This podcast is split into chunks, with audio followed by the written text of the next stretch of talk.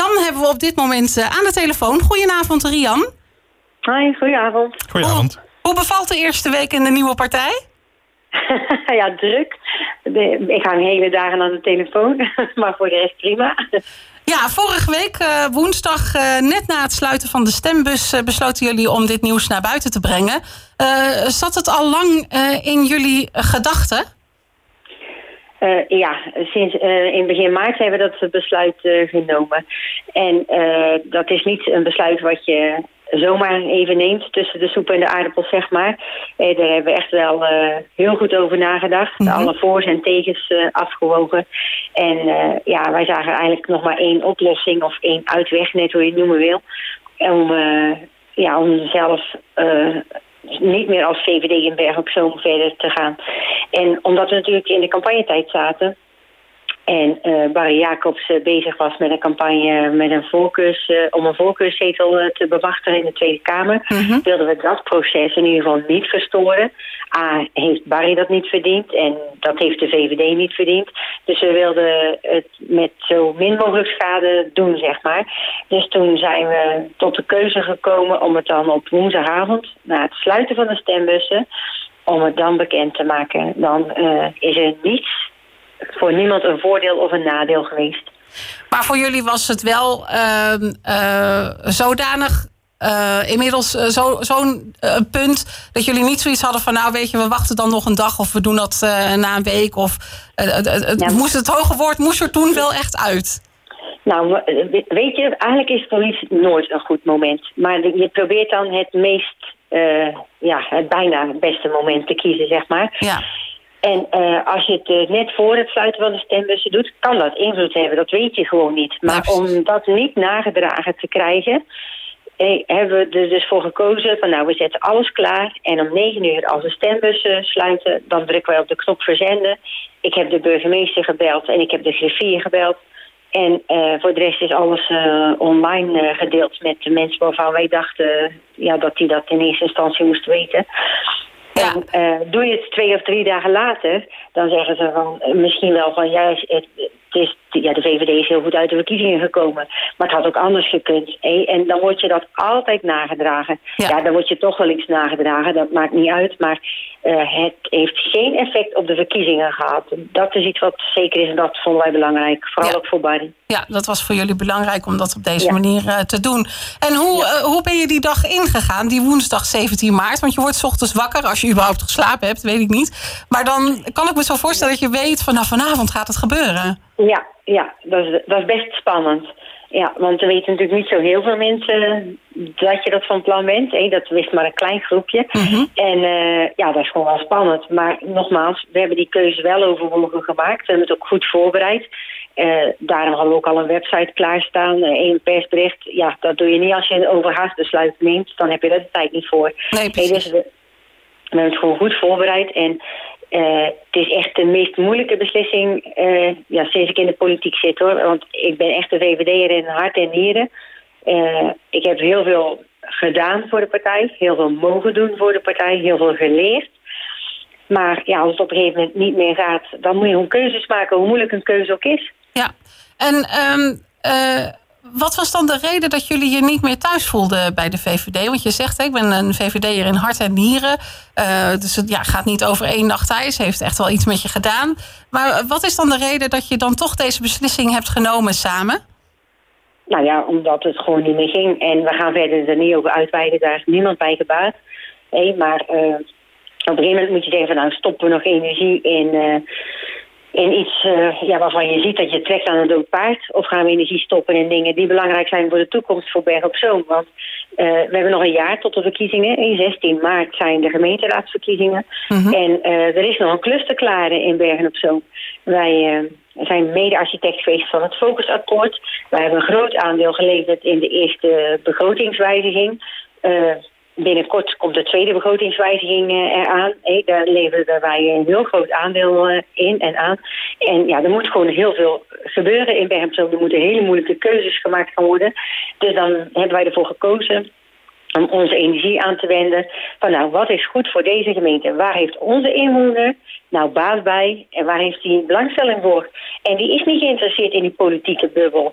Uh, de inwoners zijn geïnteresseerd. Uh, wordt mijn afval opgehaald? Wat kost dat dan? Uh, is er een zwembad waar mijn kind op zwemles kan? zijn de straten schoon? Noem het maar op. Wat doet dit voor de OZB? Dat interesseert onze inwoner. En daar gaan wij voor. Ja, je hoort het vaker, uh, Rian, hè, dat fractieleden oh, zich... Uh, hey, oh, goedenavond. ja, ik ben er ook. dat uh, dat in, in, in de politiek, landelijk, maar ook lokaal... dat de fractieleden zich dus afsplitsen hè, van een bestaande partij... en voor zichzelf beginnen. Dan hoor je veel mensen vaak roepen van... ja, maar dat is toch zetelroof? Hoe, hoe sta je daar tegenover? Nou, ik, ik weet dat mensen dat zeggen. Sterker nog, dat heb ik zelf in 2018 ook gezegd toen Gert-Jan Huisman zijn zetel meenam. Omdat hij uh, geen fractievoorzitter meer mocht zijn.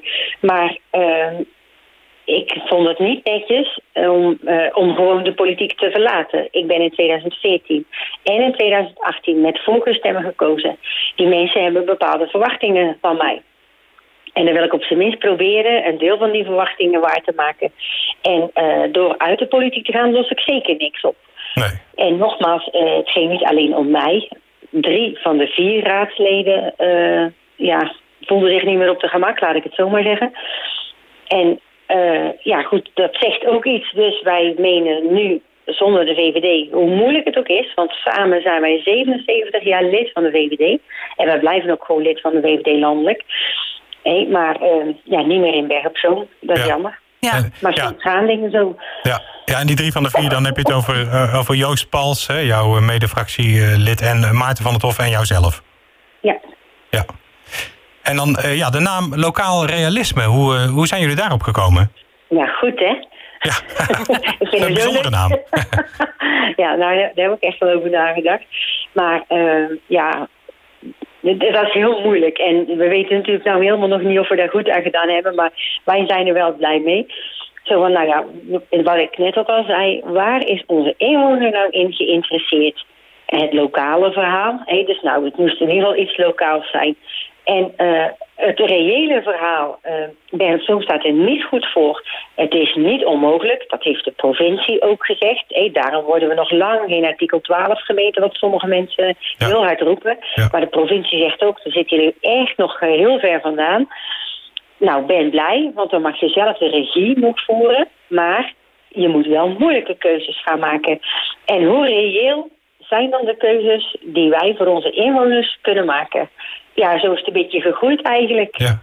Maar geven jullie hiermee ook eigenlijk gelijk aan dat, uh, dat eerdere beslissingen uh, in Bergen op Zoom niet realistisch zijn geweest? Oh, die zijn er zeker, ja. Ja. ja. Kun je voorbeelden geven? De vesting, de heel Nedalco-terrein. Wie heeft dat ooit kunnen bedenken om dat voor 70 miljoen te willen kopen? Dat is echt zo niet realistisch geweest. Maar het zijn wel de namen waar we mee zitten. Ja. Ja, morgenavond is uh, voor jullie in ieder geval de eerste vergadering onder de uh, noemer lokaal realisme. Um, dus je zit eigenlijk ineens, ja, ik weet dat er geen fysieke, fysieke vergaderingen zijn, maar anders zou je ineens op een andere plek uh, in de raadzaal zitten en wellicht ook met een andere uh, blik op, uh, op zaken. Um, maar die vergadering ga je natuurlijk digitaal gewoon uh, wel in. Um, ja. Zijn er nu punten op de agenda waarbij jij morgenavond of Maarten of Joost een heel ander geluid gaat laten horen? Nou, dat zal niet gelijk zo heel erg anders zijn. We zijn nog steeds dezelfde mensen. Hè? En uh, ja, wat dat betreft zal het misschien best nog wel meevallen. Maarten zal het woord voorlopig even niet voeren. Die is nog herstellend van een hartinfarct. Mm -hmm. hey, dus uh, die is wel aanwezig, maar uh, die ja, spant zich nog even niet te veel in. Want dat kan zijn lijf gewoon nog niet handelen. Begrijpelijk, maar, ja. Ja, we zijn nog steeds dezelfde mensen en wij willen nu gewoon focussen op wat is goed voor Bergen op Zoom, voor de inwoners van deze gemeente. En uh, ik heb het uh, daarnet ook aan Dominique gevraagd, maar ik vraag het ook aan jou. Uh, het heeft ongetwijfeld ook reacties losgemaakt binnen de overige fracties. hoe zijn de reacties geweest naar jullie toe van collega-raadsleden? Oh, die heb ik eigenlijk helemaal nog niet zo heel veel gehad. Ja, een aantal. de meeste mensen wel succes, zeg maar. En ja, heel wisselend, want dat is ook wat je zegt, doordat je elkaar niet fysiek ziet. dan moet je echt al de moeite nemen om de telefoon te pakken of even een appje te sturen. Nou, een aantal hebben dat zeker ook gedaan. Maar uh, kom je elkaar in de raadzaal tegen, dan spreek je elkaar natuurlijk veel meer. Ja. Wat dat betreft is het wel jammer hoor. De jus is er wel af, uh, nu alles digitaal is. Ja, maakt het toch lastiger hè? Wordt er niet makkelijker op, hè? dat is zo. Ja, maar het is wat het is. En dat is dan nog geen reden om dan maar te zeggen... ja, we blijven hangen. We moeten vooruit. En we willen vooruit. Ja, nou, in ieder geval uh, hoor ik heel veel enthousiasme bij jou. En dat zal ongetwijfeld ook uh, bij jouw fractieleden zo zijn. Uiteraard. Um, uh, je, ja, zeker. Je zei net al even van, we hadden meteen een persbericht klaar. We hebben ook een website klaar. Um, mensen kunnen jullie vinden op lokaalrealisme.nl of is er een andere ja, website? Heel goed. Ja, nee, die, heel goed. En dan kan je je ook aanmelden op onze nieuwsbrief. Ook op Facebook hebben we al een pagina. En ja, ik wil ook bij deze, als het mag, ook een oproep doen. Als mensen ideeën hebben, uh, mee willen helpen. Want we kunnen natuurlijk heel veel uh, steun en sympathisanten gebruiken. Uh, ja, wij zijn er voor de inwoners van deze gemeente nogmaals. Ja, het wordt een beetje een man gaan, maar het is wel zo. Ja, nee, dat geeft niet, geen probleem. Mag altijd zo'n oproep. Ja, zo is dat. Nou, helemaal duidelijk. welkom. Ja. Helemaal duidelijk. Dankjewel dat jij in onze uitzending even toelichting wilde geven op de stappen die jullie hebben gezet. En wij wensen jullie natuurlijk heel veel succes met jullie nieuwe partij in de gemeenteraad van Berg op Zoom. Ja, dankjewel. En uh, voel je welkom. Ja, dankjewel. Hey, fijne avond. Dit is het Fractiehuis op Zuidwest FM.